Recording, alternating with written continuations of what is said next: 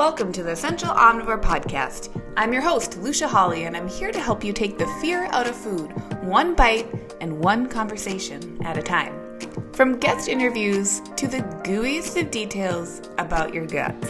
I hope you'll join me in creating space around the subject of our bodies and just what they might be telling us when we slow down and listen closely. Remember that the information provided within this podcast is for general information and educational purposes only and does not provide medical advice, professional diagnosis, opinion, treatment, or services to you or any other individual. Hey everyone, welcome to today's episode. I'm so amped to have Amy Soon on today. I get to interview her. It is a wonderful conversation. So, let me tell you a little bit more before we dive into that. Amy Soon is the blogger and nutritional therapy practitioner behind smalleats.com, where she helps people take small steps towards building the health and wellness they desire. Amy is also the host of the Small Steps podcast, where she brings on a wide array of guests and dives deep into the subjects that surround mental health, wellness, body image, and beyond. Amy and I met online in the wild, wild world of Instagram, which she and I are both big fans of. And then we realized a few months later that we were both signed up to be in the same Foundations of Social Justice course run by the ever lovely and super smart Dr. T. And we talk a little bit more about that in the episode. So, listen on to today's episode where Amy shares her story on how stress was a catalyst to changing her life one step at a time. You're going to love it. All right. Well, I'm so excited to have Amy on the podcast. I, I know I say that about every guest, and then I say this about every guest, but it's really, really true. I'm super amped. Amy and I have been in a class together, which we'll probably talk about uh, a little bit later. But she and I have been DMing a lot based on what we've been learning in this class with one another and the fact that we're both NTPs. We both think about nutrition. So before we get into that stuff, I am hoping that Amy will go ahead and tell us a little bit more about how she herself got into nutrition and some of her different stories with what brought her to thinking about nutrition for herself. So, you want to just dive in and get us started? Yeah, let's go. I think about, I never really thought about it until I had to start talking about this with other people. But there are like three key points in my life that really cemented the direction that I'm in now. And the more that I thought about it, the more I realized that they they had a lot to do with self care and self love. So, the first point, um, I had graduated, I was in the process of graduating from art college, and I realized that I had put on some weight. I wasn't like obese by any means, but for a person that's like 4'11 and a half, to go mm-hmm. from like, yeah, very small, uh, very short, uh, to go from walking into college wearing size zero jeans and then walking out of college wearing like because you know sizes are very ambiguous in fashion like wearing like six to eights and like buying a medium dress for the first time like i was like oh okay like something's going on here. And that like lack of taking care of myself was very very clear because art school is pretty rigorous like I don't I don't know what regular college is like. art, art college is really really specific. You learn a skill, you learn a trade, and you work all the time. Like you make projects all the time. Like your homework isn't paper. Your homework is like making 60 to 50 iterations of whatever you're working on and then you come into class and you either keep working on it or you have critiques about it. So when you do that times like 5 to 6 classes, like you're just doing a lot of work all the time. You're putting in the hours yeah and so you're like you're putting in all those like Malcolm Gladwell like 10,000 hours and those hours don't really translate into like getting enough sleep, eating enough eating food that like makes you feel good, like taking breaks. Like you're just like, "Oh my god, the most important thing is the critique and if people like my work and if my professor likes my work and so you just spend so much time making stuff and then because I was at a smaller art. I mean, all art colleges are very small, but I was a small art college, and it was like we had a pretty mediocre cafe. We didn't. Our school was so small. Like when I was a senior, we finally had studio space, but we weren't allowed to have a refrigerator, and we were like down the street from a grocery store. So it was like things I could microwave or things that I could like kind of pack, kind of, or like just going to the cafeteria or vending machine or whatever. So I wasn't really eating in a way that was supporting my health. Um, and so I put on weight. And I also realized when I graduated from art college that this was the first time that I could actually like take care of myself. Mm. And I was like, wow, like I I have time. Like I have time now. Like I actually have time now to take care of myself and do all these things that I want to do. And it's tricky to look back, especially like thinking about diet culture and all those things and what it makes you what it can make you do and it's really interesting because I was definitely motivated by getting smaller because that's what was acceptable. And also at the same time, like I didn't feel like I didn't feel right in my body. And so I had started to, I kind of knew how to cook, but I actually started to cook more often. I had time and I was yeah. able to. Yeah. also um, huge in order to cook, to have that time to cook.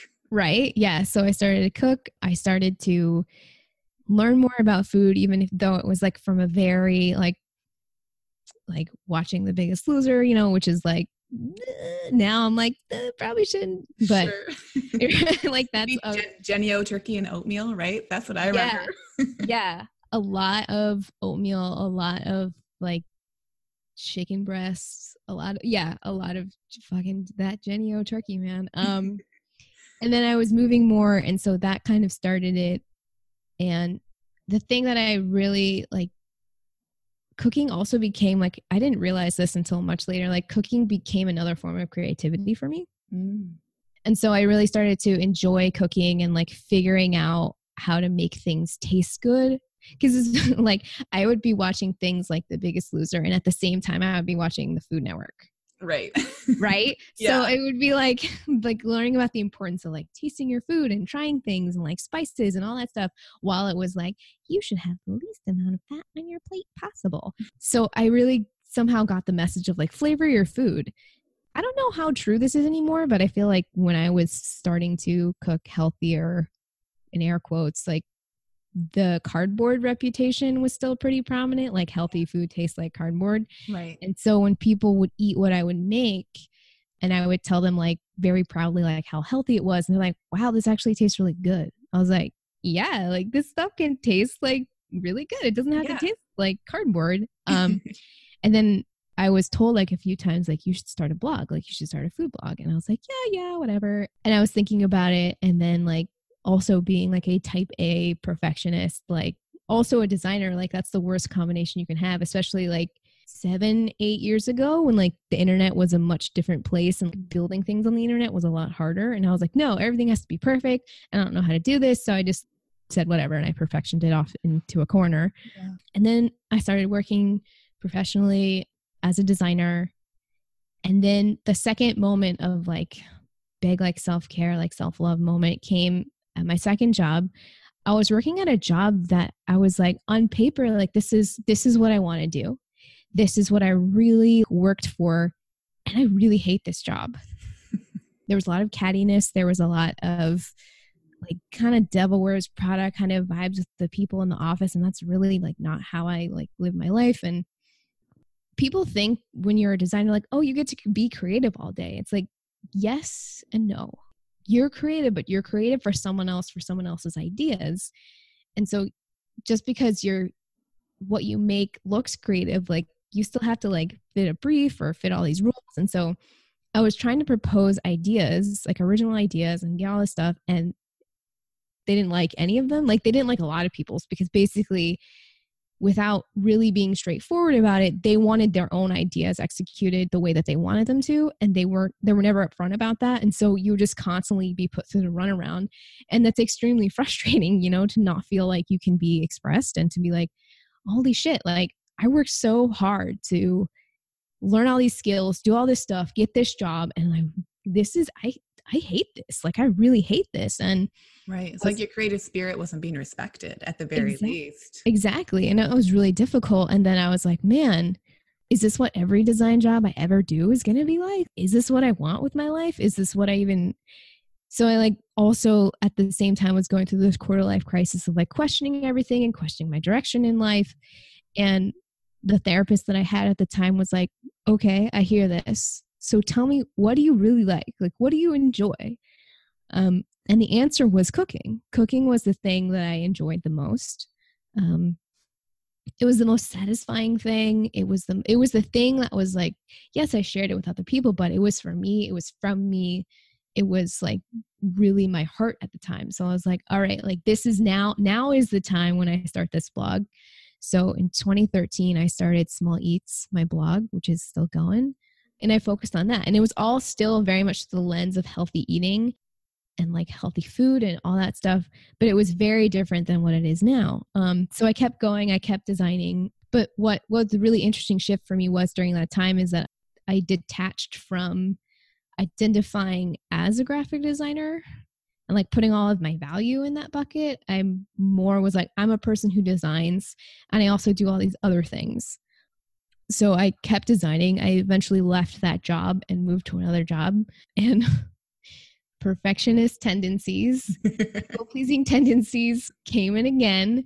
And I ended up finding myself at that job super, super burned out and at another like self care, self love, like super low point there were a lot of changes within the company. There were a lot of demands um, on myself and a lot of other people who were all we were all very young and very eager and that was uh, very much to the company's advantage but not to any of our like mental health totally. and our, our sanity right? So i found myself at this point again of being like really really stressed out extremely anxious. I was feeling lightheaded all the time. I had a rash, and for a while I thought it was ringworm, and then my doctor was like, "Oh no, that's eczema," and I was like, "Okay, like what what causes this?" And she was like, "Oh, you know, like it's fine. Like I have it too. Like it's not a problem." I was like, "What?" And then, but there was something in the back of my mind was like, "What do you want to bet? This is stress." Mm. And I and I looked it up, and I was like, "Oh, it is stress. Like fuck." And so I I checked in with myself again, and I was like what is the most satisfying thing to you right now? Again.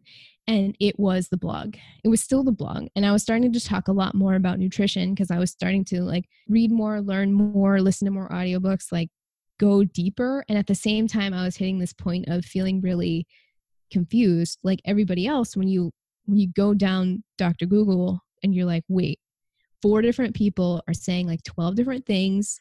They're all really conflicting. I don't know who to believe. I don't understand. I also felt this really strong pull to also help people. And so I didn't really feel comfortable giving advice because I didn't, I couldn't tell for myself. So I was like, I think I need to go to school. Like, I think I need to get a degree mm. or like some kind of certification. And so I went to the Nutritional Therapy Association, like Lucia. Yep.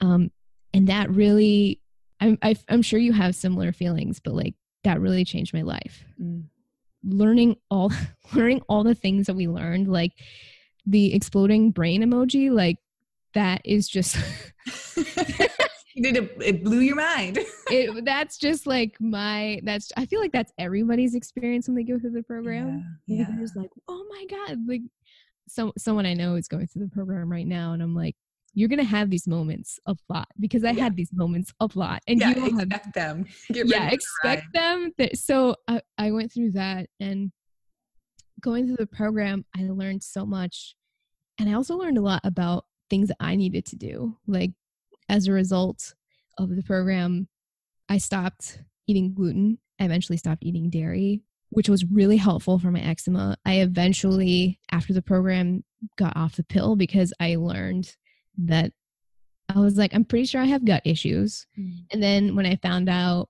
that I couldn't heal gut issues while on the birth control pill, I was like, okay, well, I guess that's something that needs to go. Yeah. And also, I made a really big move at the same time of I left the job that I was currently in and I moved to another less stressful job, which was really uncomfortable because that was like I had four months left of the NTP program Wow. And I and I was still blogging and I'm I've been in a relationship for a really long time and I was looking for another job. That's a lot on one plate. Yeah, it was a lot. And I was like, you know what though? I really need to do this. Like as much as I didn't want to do it, as much as I was like I didn't really want to have another uh, another design job. I really wanted to. St- I had a lot of friends there that are still my friends right now. Like, I was like, I can't for my mental health. Like, this is like the first time I was really like strongly considering my mental health in in a job, and I was like, for my mental and emotional health, I can't, I can't be here mm-hmm. anymore. Like, it was also like at my job, there's a lot of turmoil and change and turnover and like other people are leaving so like there was this like really transitionary time and i was like i don't think i can like stay through this. Like I just need to leave for me. Mm. So I left that job and, and really consciously went to a much less stressful job. And during that time was also like cutting out gluten and cutting out dairy, eventually cutting out the birth control pill. And the eczema went down, went away, only pops up. Like I know what my triggers are. So it still pops up every once in a while, but I'm like, yeah. I know, I know what this is. Yeah, when it's popping up, it's saying like, "Hey, now pay attention." These, right? Like, yeah, don't forget. But it's like I had eczema on my legs for probably two years, on my shins. So I never, I always wore pants, and then I had it on my upper arm. That it was so big, I never wore like short sleeve shirts except except when I was at home because my partner knew that I had eczema and was like, okay, but yeah, it really changed my life. Also, as a totally unexpected result, like my body composition changed. Mm. I, I, think, yeah, gluten is really inflammatory. Um, but I also think that there was a lot of like energetic and like stress related things that my body was just holding on to, being like, we have to keep you safe. And now that those things were gone, my body was like, okay, it's it's it's okay. Um, I think that can be a really challenging concept for people to hear when they first when someone first says that because I, I so believe that too right that like that energetic or that emotional energy yeah like we talk about our mind being different than our body but our minds are in our bodies so anything that's going on up in our brain is going to affect us physiologically so i yeah. think that's huge that that was part of what you noticed in that transition what was it like going to the less stressful job did you feel ready to accept it no I didn't. I felt really weird about it for a long time. Like it it was so it was so weird because I had a lot of people that I really respected that worked there and I really enjoyed working with them. I had a, a lot of friends there and there was de- there's definitely some like in the trenches like trauma that we all like experienced um and at the same time like a lot of other people i was really close to had already left because they had like reached their limits. So i was like this place is not the same anymore. Like i need to go.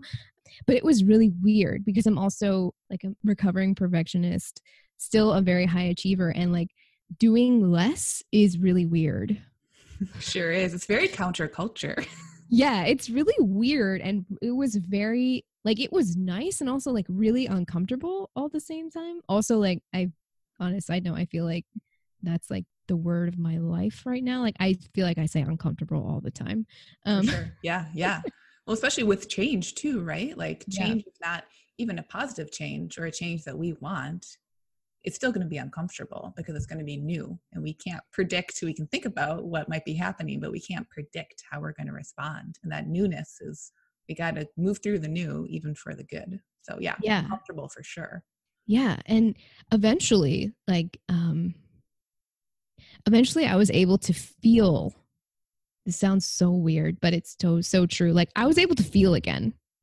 Like i was really able to feel other emotions besides like oh my god sheer anxiety or like sheer exhaustion like i was actually able to feel joy again and feel happy. So, by removing that big stressor in your life, even while managing all the other things that were on your plate, by doing that, it sounds like it really drove down the stress. And then your body could chirp up in its more nuanced signals. Absolutely. Like, really, things that seem really little, but are like really big, like being able to like really laugh really really laugh and like feel it in your body like I'm just laughing hysteric just because, you know, like feeling joy was something that was really unexpected to like feel that again and be like, oh, and like there were so many other side effects. Eventually, super real talk, like I had no libido for a really long time. Mm. And so, as slowly as I kind of like I guess like came back to myself. I was like, oh, like I actually feel feelings in my body. Like I feel like a person. Like I feel like a real, uh, like a true, real person again. Like yeah. I feel excited about things like in all sorts of ways again. And that was really refreshing after years of like not feeling that and not really never really like putting it all together until you feel it come back and you're like, oh, hey, hey there. hey, hey, me. hey, how's it going? Right. It was like you were feeling parts of yourself to get through that stress, and that the other parts that maybe I would assume this is me making an assumption, but the parts that didn't help you like burn the candle at both ends to get through the stress were the parts that your body was tamping down be like later later gator yeah. like no, or maybe never because like we got to keep showing up for this stress right yeah yeah like the survival all of our bodies it's amazing how great we are at surviving and sometimes it's like really sad how hard it can be to feel like you're thriving yes but like just feeling like all of you and not just survival you. And not just like oh i can get through this day i can solve this problem but like yeah like i don't i mean i like to solve problems like that's a thing my therapist and i talk about a lot but yeah. it's like not like i don't exist to solve problems right. you know? Right. No one exists to solve just to solve problems and so it's so interesting to reconnect with those parts of yourself that they were just squashed down like oh not important. Right right. This isn't going to get me through that big stress so whatever. And then like that big stress is like oh yeah it's going to get me through like the next two or three years of my life. It's like uh not ideal. Did your creativity shift when you moved to the lower stress job? Did you notice changes there that's a really interesting question I feel like I noticed the creativity in different ways.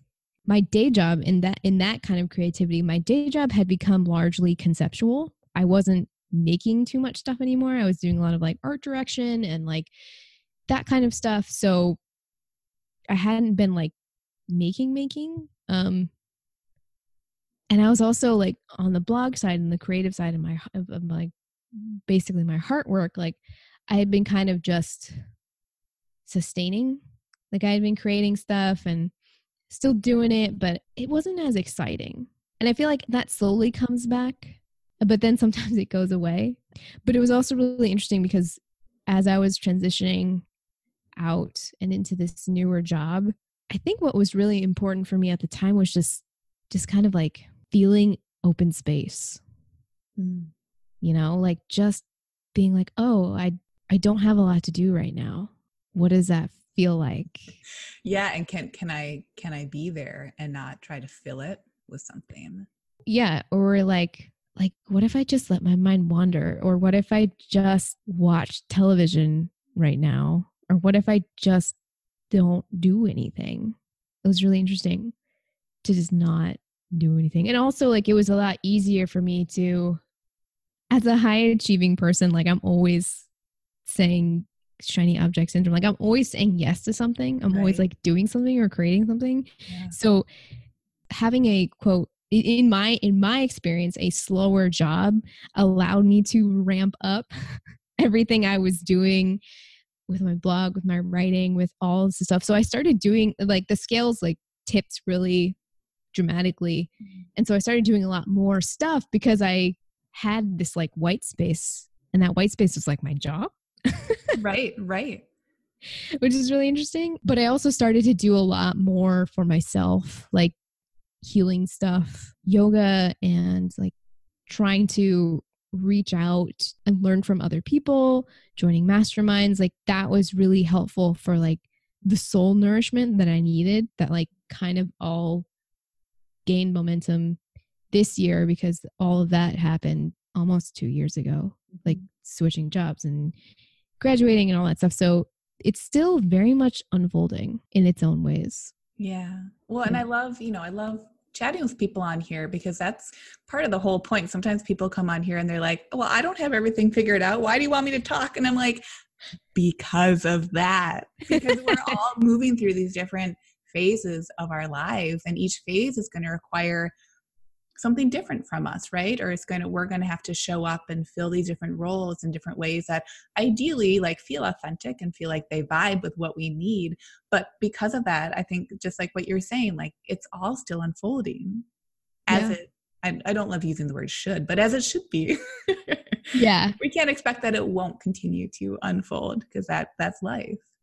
Yeah. Yeah and it was really interesting something i forgot to mention that definitely ties into like the stress mind body connection for i want to say for like two or three months after i left that high stress job the weight yes like that changed but also there was this feeling in my body that i would wake up with every morning this like really heavy feeling in my chest. This is like super I mean, you're very woo, so that's fine. Like literally, like my body was releasing so much energy that mm-hmm. it was just like I would just wake up with this like heavy feeling in my chest.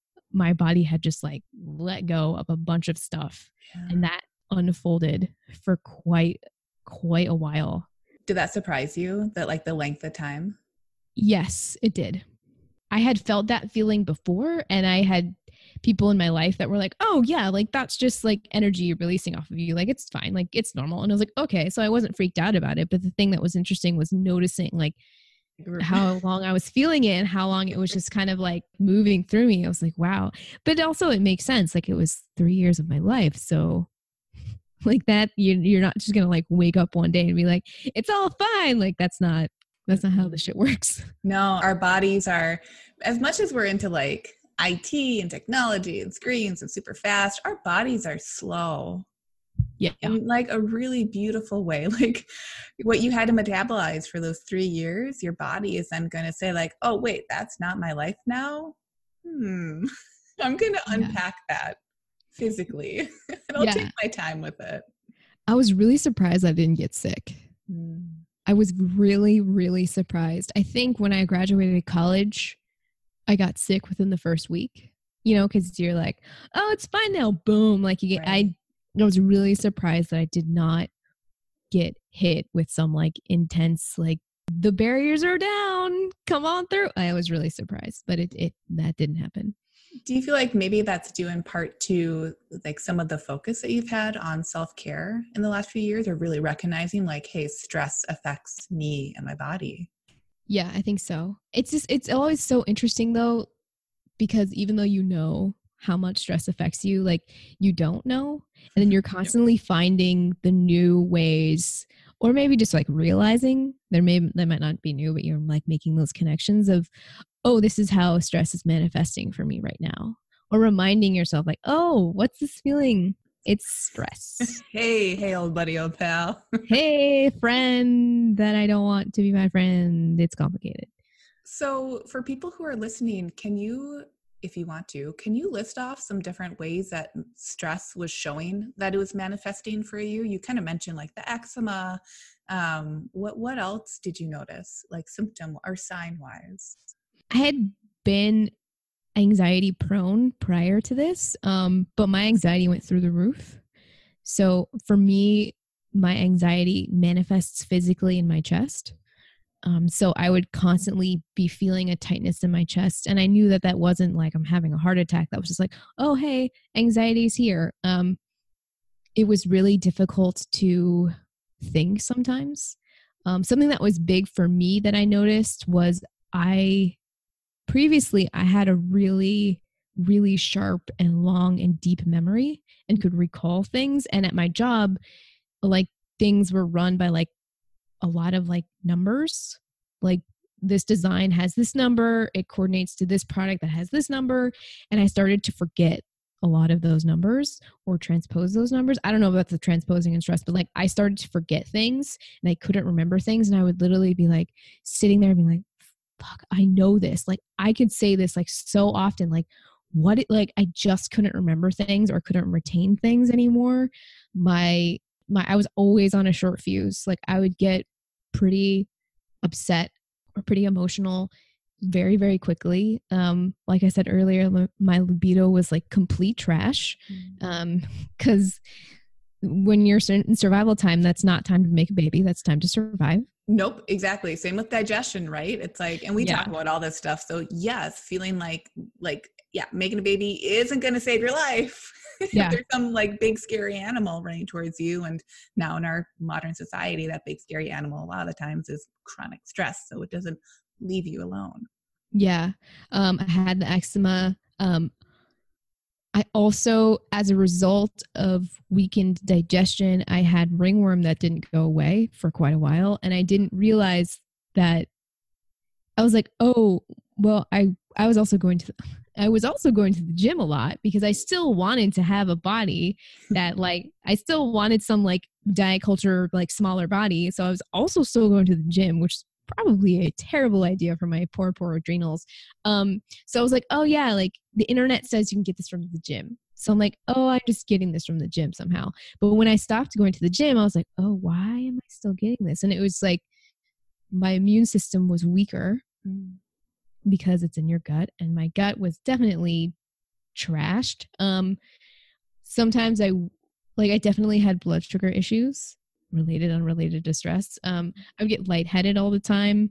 That could be blood sugar issues, but that could also be stress. I don't quite think that I had hair falling out, but I know that that I've had friends that's like they're like I have this spot and like all my hair fell out. I didn't quite have that. I was also like just really not happy. There were some times that I would just cry all the time because I was just like I don't know what to do. I don't know how to do this. There are so many things that I need to do. It was also like really not like the the job I let that job push all of my um my weak points. Yeah. So like I would go in early. I would usually stay not super late but a little a little later because like I have so many things I need to do. I was really short with people and I I felt like the weight of the world was on my shoulders and I was not great at delegating Mhm. and I refused to like at, for a lot of things I refused to let other people do it because quote it would take too long to explain and I'll- better if I do it blah blah blah blah blah like that doesn't that doesn't really help anybody and then just adds to more of your stress Right. uh, I didn't set very good boundaries I didn't say no um like these things are like stress related and also like other things like pouring gasoline on your stress fire And it can be so tough, I think, with boundaries and setting no, because where do we really learn that? Like, wouldn't that be Right. cool if we learned that in high school? I know it's like a it's a it's a concept i always feel this way with nutrition too like anything that i've learned about nutrition none of it is rocket science and Yeah. like very much like a teenager could learn any of these concepts and be like okay that like logically makes sense that's why i so often feel boundaries and saying no and really like kind of tuning into your body and what it needs why don't we learn that stuff and why does it it almost feels like it has to come to a breaking point for a lot of people or like feeling that stress overload where you're like can i do this for one Yeah. more day and if no then oh my god what do i do next Yeah, yeah, and like I don't I can't really remember like what shifted in my brain, but like I was I was going to therapy at the time. I'm still I'm seeing that same therapist still like she's like she has seen like me go through all of this stuff and she was telling me so many things.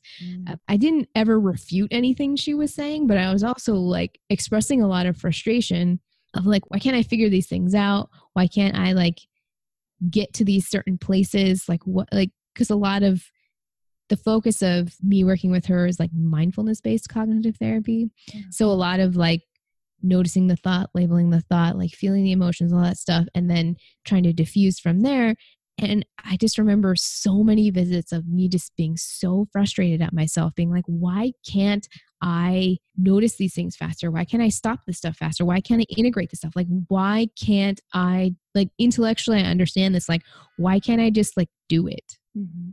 One, it's like, it's a practice and it takes time. And, like, two, like, it was not really a great environment to have the time yeah to notice things, to feel things, to work through things, and also to have like the the groundedness. Like I, I was really ungrounded. I was super, super ungrounded. So like how do you expect to like bring yourself back and like feel these emotions and process these things like if you're not grounded because you're running around like a crazy per- not a crazy person that's not a good thing to say um can we be more morbid like a chicken with his head cut off yeah i was thinking of that um the roadrunner like i was running around like the roadrunner mm-hmm. in looney tunes all the time and i was like yeah of course you can't like bring it back because you're not standing still you're not giving yourself like a like a moment to do any of that so those are like a lot of things but that's Funny. what I you know. I think your story resonates with so many people because I feel like what you just described with like stress and almost like the hamster wheel that we're on, right? Where it's just like it's not getting better, it's not getting better. Well, like let me control something more, right? Like let me not let, let me, other people, let me handle this. Like this is yep. how I'm gonna be coping and it's going and going, and going. I really feel like, and I'd love to hear your opinion on this. I feel like that's part of diet culture. Yeah. Even before we like touch on body image or like food itself, but this culture of stress. To me, diet culture is like a chunk, it's like part of this umbrella saying, like, hey, what's the best thing you can do? Well, do more because obviously you're not doing enough. Do it better, do it faster, do it stronger. Don't sleep, burn the candle at both ends because you're an adult and this is what is expected of you now. Yeah. I I question that.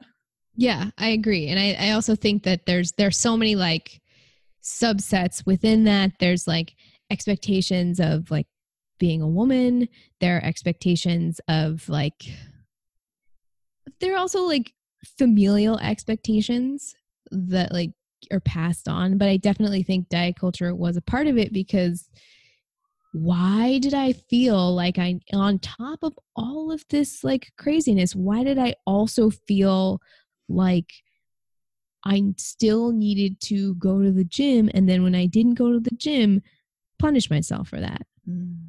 Or like, why did I feel the need to? Because I never was really like super controlling with my food at that time because I didn't like, I ate healthy, but I wasn't, I don't think I was like that kind of like diet culture mm-hmm. But why did I have to like feel bad about my body changing because I was stressed out. Right. Why did I have to feel shame on top of all of the other things I was feeling and feel frustration? Because I, I, I remember many conversations with my partner. My partner was going through personal training certification, and I was like, I'm doing all the things at the gym. Like I'm doing all the things that you're telling me to do. Like the food at what I thought at the time, my food was pretty dialed in.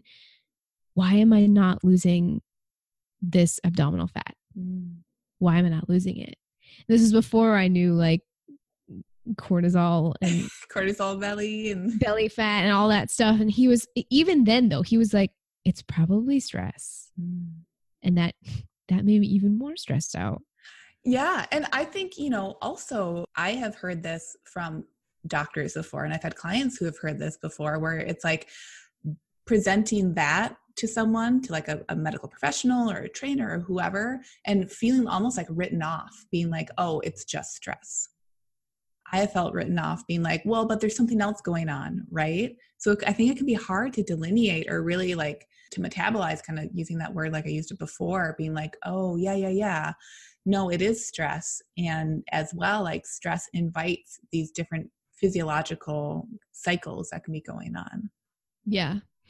I think what was frustrating for me at the time was I didn't feel written off by what he was saying, but I was like, I don't know what to do about that. Like it felt like a mountain that was too big to try and climb or try and like take down. I'm like, this is gonna take me forever. Like I don't know what to do. So that was really, I was like, well, shit. Like, what am I gonna do about this? Like, I don't even know. And then it's also interesting just in general not not in this stressful situation but in general it's also interesting to be with people that are also experiencing and expressing diet culture because that's what we've all been conditioned in and collectively shaming ourselves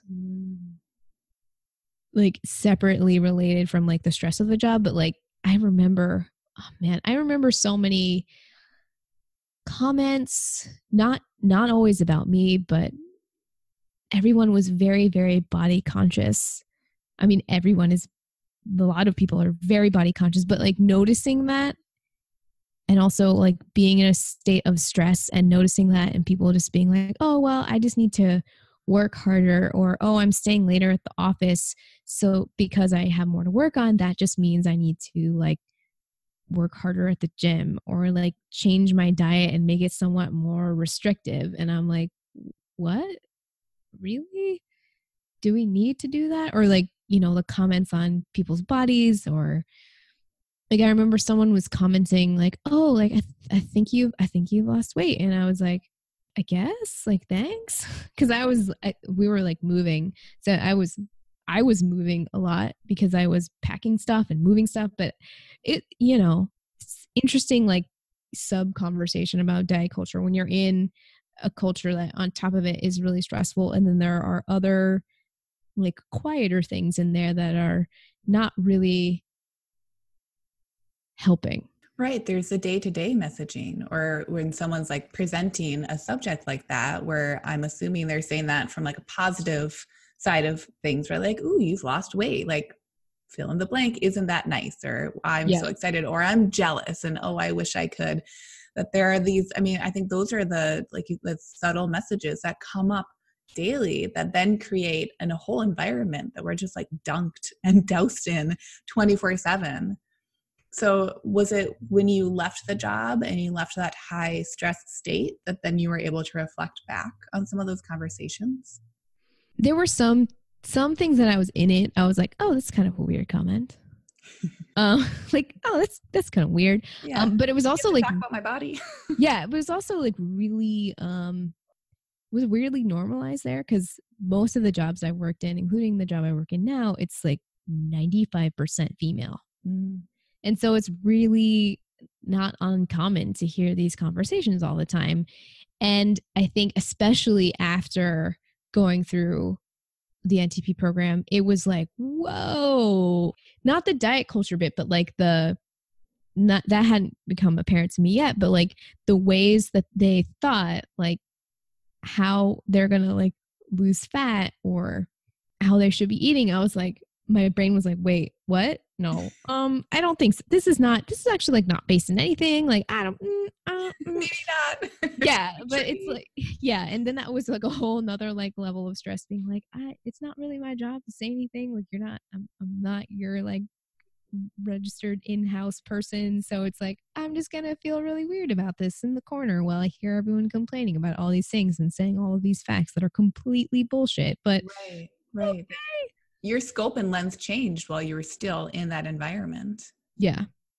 It did and it was really it was really interesting and it's interesting to still hear it now and to hear it in other cultures and other environments. I I have this like reflex now. I'm like, "Oh my god." Uh, but it's it's so it's still so interesting cuz I don't know.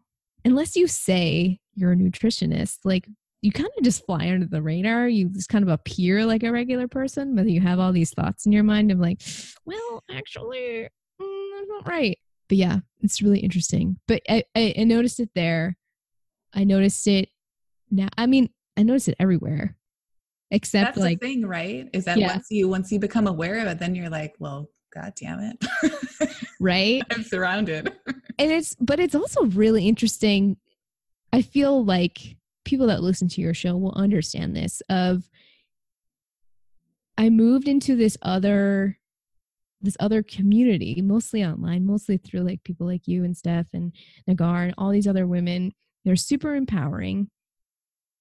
And, t- and Taylor and Chrissy, like all these awesome women saying yeah. these awesome things. And you're like, yeah, like you start to really feel that and move towards embodying that. And then you're in a different bubble basically. And then when you have moments where you're not and you've come outside that bubble, you're like, wait, what? No, we're not still doing this, right? Like you, I like I've had many instances where I've just completely forgot like this exists because like the the people I've chosen to surround myself with and talk to are like living a very different life or acknowledging these things or having conversations about them or like trying to dismantle them and then like you go back to I guess like a regular, for lack of a better word, a regular world, and you're like, wait, what? I think that's Weird. so, I mean, that so beautifully ties in, you know, I, I feel like there is definitely dialogue around like the standard American diet, right? Sad. We talk about it, especially like in these bubbles and communities, standard American diet, but I think there's a standard American like brain diet yes. too, that just inherently goes along with it. So once these doors start to open and once we start to have more of these conversations, then it definitely almost feels like some sort of culture shock to step back into standard American culture. Yeah. Saying like, ooh, I've been kind of like been like crawling out the window, but whoops. Guess I'm back inside the house.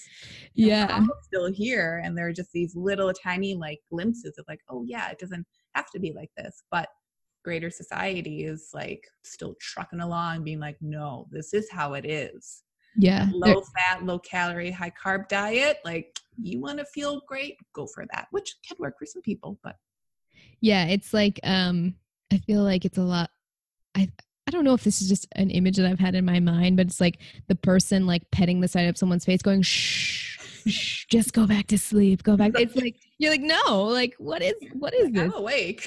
Thank you very yeah. much. Yeah, it's so it's it's really interesting to see and and I've also made really intentional choices about like like we don't we don't have cable anymore that was more like a monetary choice but like when you don't surround yourself with commercials like mm. holy crap like i've seen some commercials recently and i was like well, no shit. This is why everyone's like this. Like it was like fast food commercials and uh like Prilosec, and I was like, oh hell no. And my partner was like, what's wrong with Prilosec? And I like gave the whole like why stomach acid is good for you book like recap yep. to him. He's like, oh. okay and i was just like going on this like rant about stomach acid but it's like i i'm just like oh this is why like from all angles. Like I don't listen to the radio anymore. Mm. I like listen to my own. Like I just. So you're really like, you're choosing your media inputs. Yeah, I've some of it te- intentionally, some of it just like as a byproduct. Like I have stepped out of a lot of things that perpetuate certain things, and so for me, when I get close to those things again or i'm reminded that those exist i'm like oh wait what like that's that's not my life like what is it? like it's so it's it's interesting how quickly you can forget right? Right. Like how quickly you can forget like what you came what you you came out of and what you came, went through and then being like what the fuck? What is that? What is that? I don't understand yeah.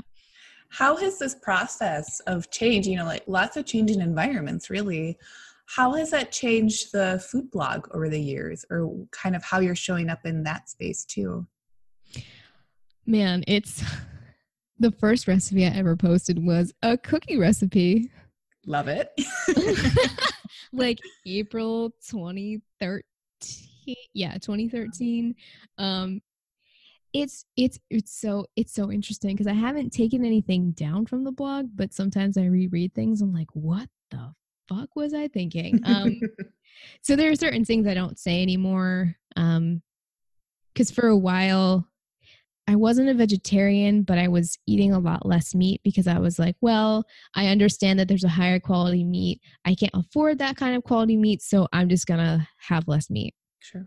And so I was like talking about that and like, so, like somewhat listening to like the vegan propaganda train, like kind of, yeah. um, of like you know the usual like it's bad for the environment, it wastes a lot of water, blah blah blah blah, right. and then learning about regenerative and like all that other stuff later, I was like, oh, and then like going through the NTP program, I'm like, oh no, I I I need to eat, I need to eat meat, and I'll and I'll figure it out and I'll make it happen. So there are things that I I talk about more now. I also have a lot more. I'm moving more into talking about mindset. Yeah. Cause that's been really important to me. And it was also like something I didn't, I never really talked about, even though it's something that I've worked on for a really long time. Mm. Um, but yeah, this past year has been a lot of like moving into and moving towards more of who I feel like I am right. and am becoming. um, which is why I started the podcast because I was just like, you know what? I don't want to type all this stuff. Like I feel like. I feel like I just need to say this kind of stuff. I don't want to, or or like I want to talk with other people who know more than I do, or experts, or have another lens or point of view that I don't personally have. So that was that was a big reason why I started the podcast because that felt like a really great way to show up that I hadn't before. And tell people, I'm going to link up all, all your links in the show notes, but tell people the name of your podcast. Uh, my podcast is Small Steps or the Small Steps Podcast. Um, I talk to like health and wellness people or people in the space of like addressing health and wellness things. And the thing that I the thing as a person that's been in like overwhelmed land for a long time, the thing that's always really helped me is small steps and breaking things down into small steps so that you can take one step, right? Like, even if you're overwhelmed, you can take one step, or realizing that these things can all be chunked down into smaller things dials down the overwhelm. And there are so many things that can be chunked down into small steps. If you want to make change and you're feeling so overwhelmed, if you can have some small steps presented to you, whether you take them or not, they show you that there are options, that it's possible. And like those small steps may make you think about other small steps because you're open to the possibility now.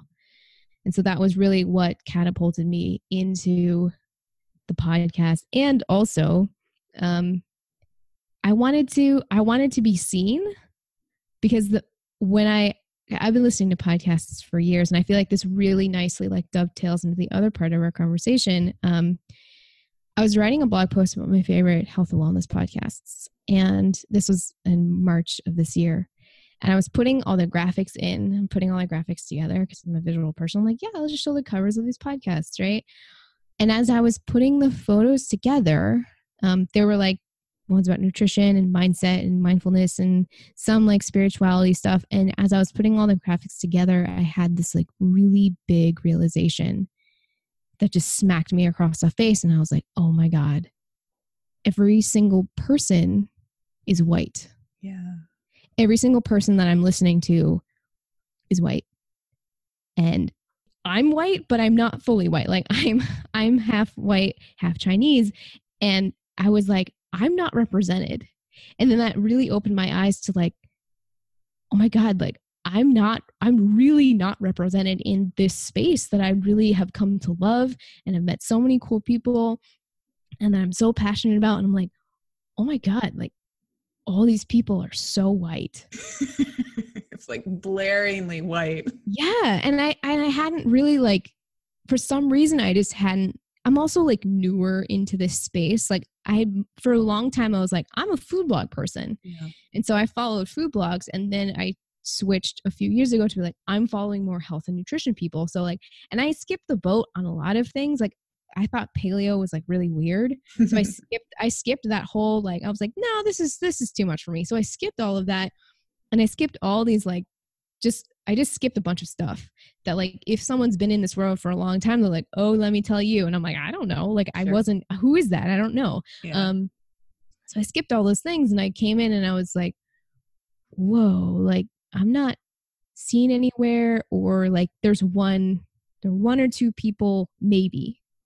Where are all the other people of color here? Like where are where are they?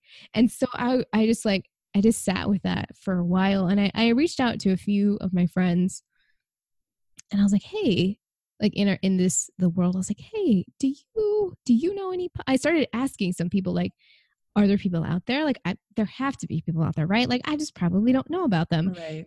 and the resounding uh feedback was i don't i don't know. Nothing.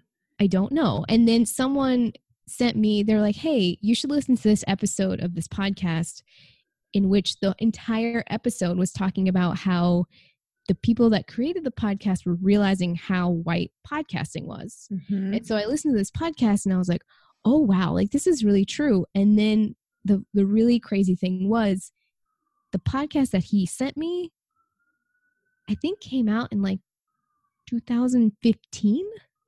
Wow. Or 2016 like it was it was a few years ago so i'm like Yeah. oh man like this is this is an issue and so that was also like the idea to do a podcast appeared naturally but I, I definitely feel like the push of like yes i really need to do this instead of being like eh, that's just a silly idea like the additional push was like and this is a way that i can be represented in this space that i really really love Right. by like doing it myself and like having some kind of representation Right, right. Really saying like I I deserve representation and since I don't see it, god damn, I'm going to make it.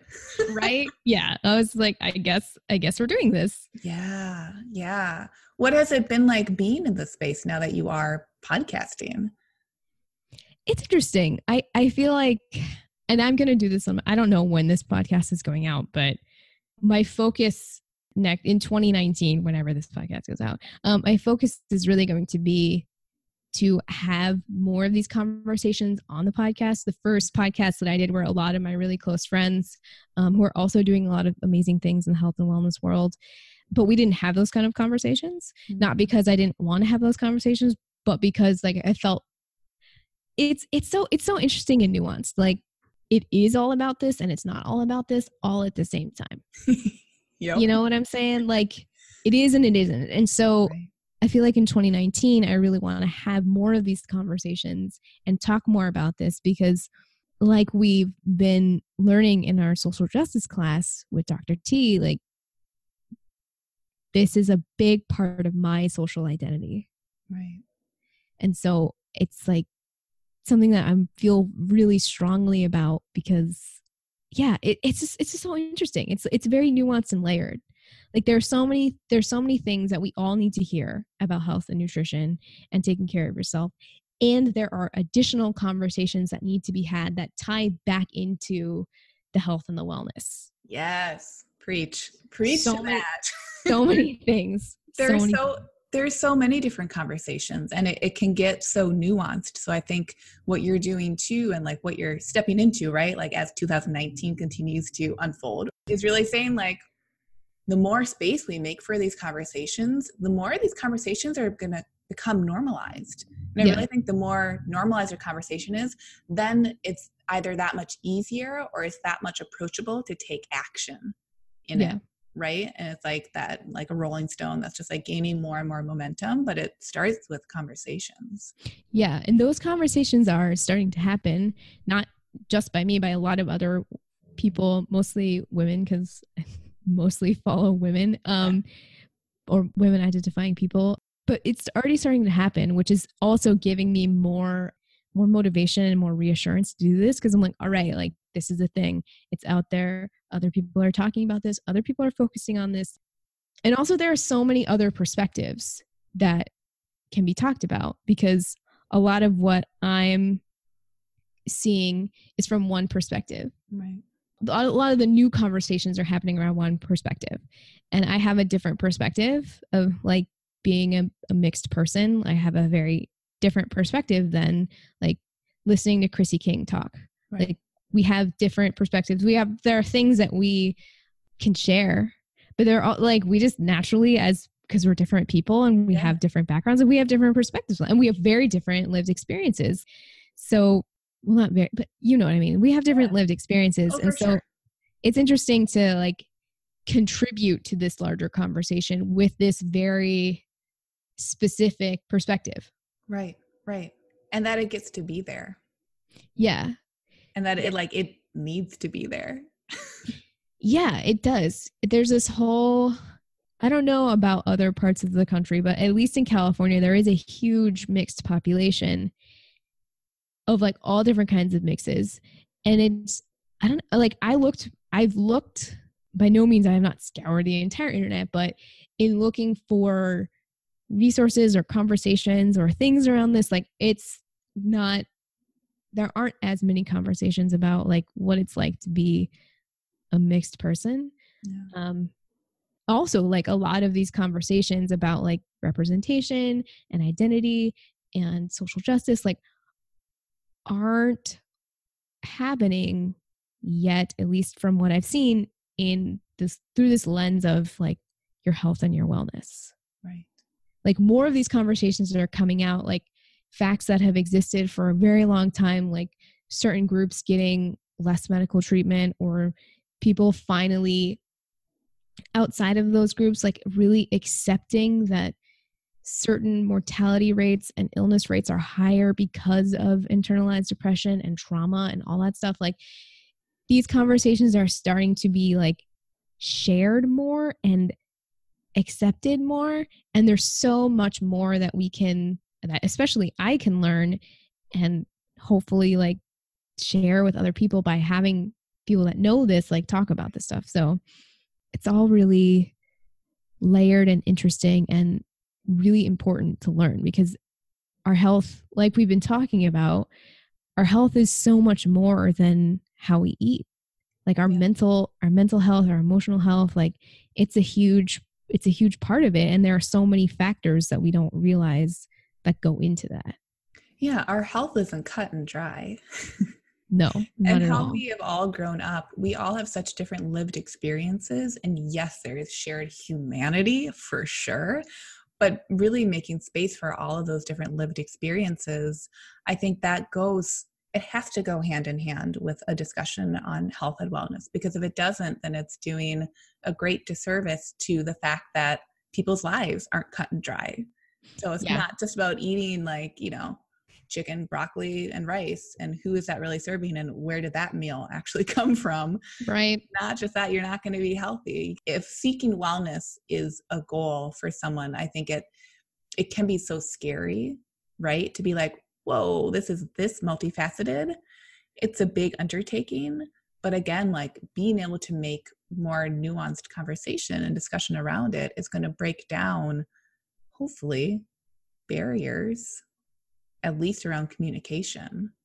I think yeah. go a long way to say, like, okay, all right, yes, this is overwhelming, but that's great. It's great to identify that there's something that you can be overwhelmed about and then make movement around.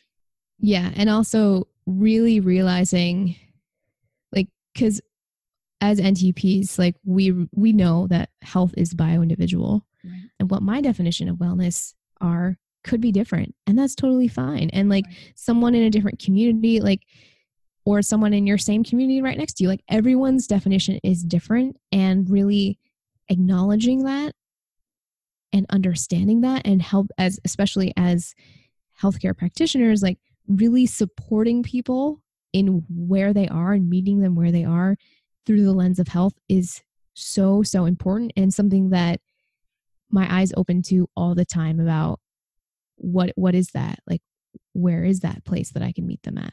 Right. For people who are starting to think about their wellness journey or they're thinking about working with like an, an ntp or ntc or someone who's guiding them through different changes is there anything that you think is helpful to be looking for in like a practitioner? Maybe not a, a med- maybe medical care but maybe you and i can't really speak to that right? But for someone who is looking for more of this community what could what could they be looking for? I hope that makes sense. Yeah that makes sense. Um a lot of things that i think about always come back to to to the person first. So what are you what are you looking for? Like what are you looking for for yourself? And then what are you looking for in a partner like in it because they're really like a healthcare practitioner is your partner. They're there for you to work with you. You are hiring them. So i always think about like what do i feel comfortable with? Like i personally don't feel comfortable with a male uh, healthcare practitioner. And then depending on your background, you might not feel comfortable with a white healthcare practitioner. That's totally fair and totally valid. Yeah. So, really getting clear on who you're comfortable with and how you're comfortable with working with them, mm. I think is really, really important. Um, as far as finding people that can, like, if you're looking for an NTP, like there's a great provider search on the website. If you're looking for other healthcare practitioners, that might be like a Google search or word of mouth, or maybe if you if you have someone that you follow that you feel like you really connect with, but they're not like providing that healthcare service, I would like look through their followers. Right. I'm sure that they have someone that they follow that is a healthcare practitioner or if like i'm thinking about um Lestraundra Alfred of the Balanced Black Girl podcast. Like she's bringing on, which is so awesome. I love her podcast. She's bringing on all of these awesome Black women who are in a lot of different fields. So if like in particular, if you're African American, like go follow her. Um, and like she's bringing on people and she's showcasing people to be like, hey, like these options are out there and they're for you. Creating that community yeah like, really this, this, is a community whether we knew it or not or whether certain people knew it or not like now it's being showcased yeah exactly like they've all been there doing their stuff but now yeah. more people are really seeing it and like knowing that those options are out there for them. I know i feel like so much of how i find things is on um instagram these days. But like in particular like i know that there are like uh i think it's black girl therapy or black girls in therapy and there that's an entire website just for african american women to find a therapist. Or there's a, a find a multicultural therapist is if you want to find like maybe a mixed race therapist or a therapist that understands working with different cultures like there are more and more which is awesome resources for people of color to find people that look like them and understand their experience which is great. Um, so yeah, I would get clear on who you want to work with and um, how you want to be worked with, and use that as your as your guide. Even if you're not a person of color and you're like, hey, I think I would really prefer working with a woman, or I would really prefer working with someone in my own state, or I would prefer working with someone that focuses on because I'm a like if they're a mom they want to work with someone who has experience working with moms or is a mom like there are so many things about like what do you really want your experience to be like and what do you really want to be seen and heard and understood on and finding those people that share those common traits with you right and that that i mean yeah that that is going to just create hopefully that much more of a comfortable experience for someone so then they can really peel back those layers of the onion when it comes to health and wellness or whatever service they might be seeking out. So they feel that they are that much more supported, which the end of the day, that's going to be pretty health providing too, which is incredible. Yeah. And also recognizing at any time if for some reason it's not working with that healthcare partner, it's totally fine to find another one. Mm. Like this work is for you. And so if you don't feel comfortable, if you don't feel supported, that's not because the person you're working with is bad or wrong. Like if they're just not a fit for you, that's okay. And you can you don't need to feel ashamed or any kind of shame around finding someone that didn't work and like looking for someone else. Like what I say a lot specifically about like finding a therapist or like finding like it's a lot like dating I was just gonna say it's like you got to go on, a, or you don't have to, but like you're probably gonna go on a lot of first dates. yeah, and that's, and totally fine. Yeah. yeah.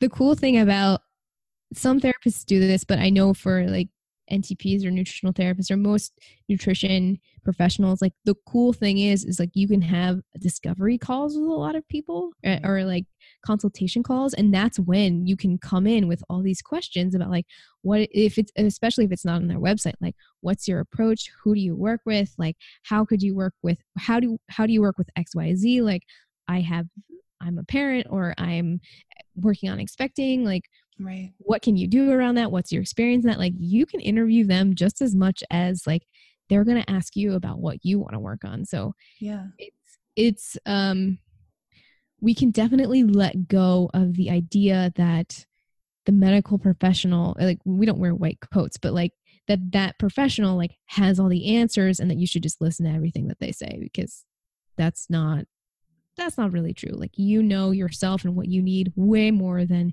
any practitioner ever will. Right. And really, I think too, like bringing that self respect into those conversations, especially those exploratory conversations, that can do so much just by proxy for whoever is on the other end of that conversation. Because I think maybe unfortunately, you know, a lot of us are coming to this conversation late.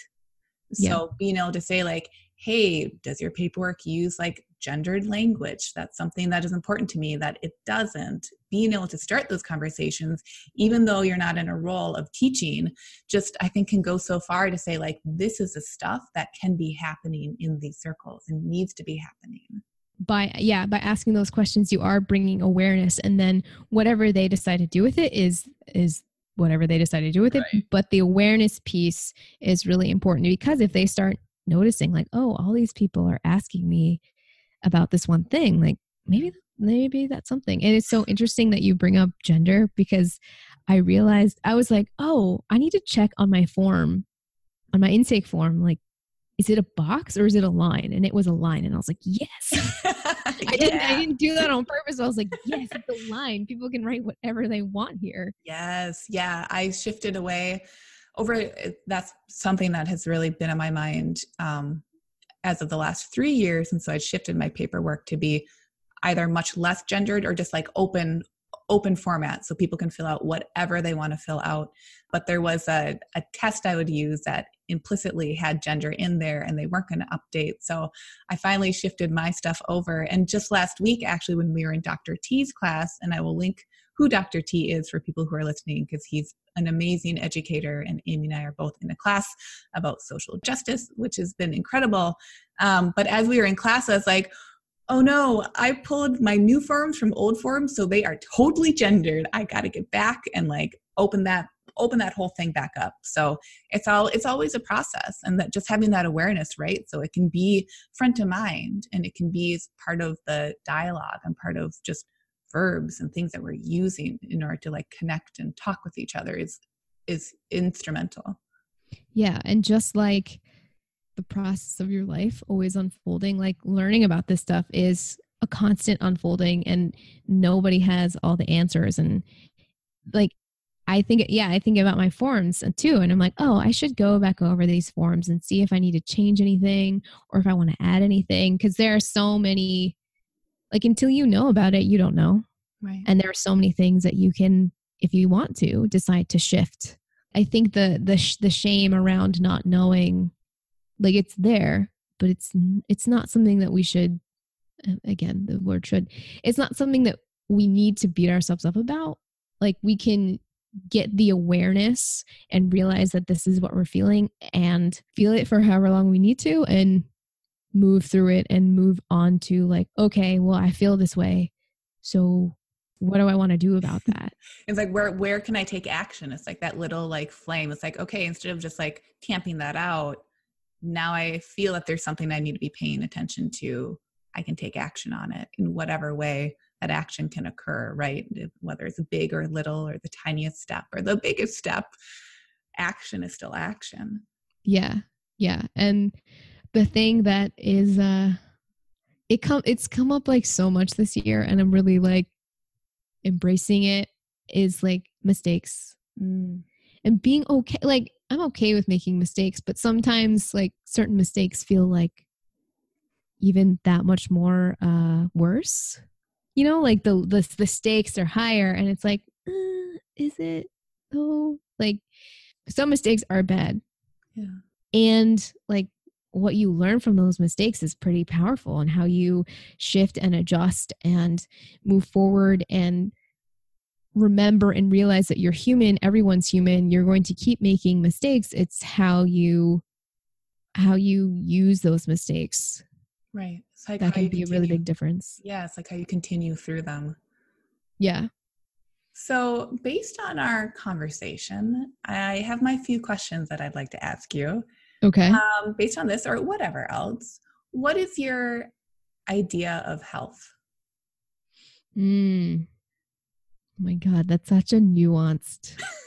it's a horrible question, I know. It's such a it's it. such a big question. It's such a big question. Um, for me personally, health is really being present in my body, which is not something I feel all the time, but I really like to work towards. It's co- feeling connected. It's understand it's really like understanding me in whatever way that looks like, whether that's understanding how I work in my brain, understanding how my body works, understanding how certain foods do and don't work with my body. Um, health is taking up space too. Mm. Health is taking up space and feeling more okay. Eventually, great, but right now, more okay with taking up space and and being seen and in, in all the ways. Yeah. Yeah. I think that's so powerful. Yes. I know you said for you personally, but like that's going to resonate with so many people. um, yeah. What is, and this might dovetail off of this or maybe not, what is your idea of happiness? So many things um, connection, community. Again, like being seen. That's something that's really important to me that I'm working a lot with and through right now. Um, happiness is like a lot of little things. It's watching a flower open over the course of a few days. It's holding my partner's hand. It's this just this this sense of like contentment. Um and it's also like I feel like you would understand this, Lucia. Like when you stand in the middle of a forest, you can't hear the cars, and all you can hear is the wind blowing through the trees. Like that is one of the happiest sounds that I have ever heard. Yeah. I think with that happiness too, you're coming back to like experiencing your different senses. Yeah. Right? Absolutely. Like feeling, hearing, being, being yeah, being like fully in your body and in the moment and in your experiences. Yeah. So then my last question is, what is your favorite word? I heard you say this to someone on another podcast, and I was like, damn, I don't really know. I don't really know what my favorite word is. I um, asked the question and I'm like, geez, Lucia, you should probably think up what your own favorite word is by now. I don't know if I have favorite, like a definitive capital F favorite word. Um, one of my favorite words, though, I think is appreciate. Mm there's something really powerful about telling someone that you appreciate them. It just there's just something to me that feels so much deeper when you tell someone that you appreciate them or that you appreciate what they did. Yeah. So, yeah, appreciate. Appreciate. it. I'm going to go with that. That's amazing. Yeah, and to feel appreciated, right? What that sense is, how that is experienced. Yeah. It's it's deep and it feels really it feels really good. It's deep and I bet it's different too, person to person. Like coming back to that bio individual, like what makes someone feel appreciated. Yeah, yeah. It's gonna it's gonna resonate for people in different ways. Yeah, absolutely. So where can people find you?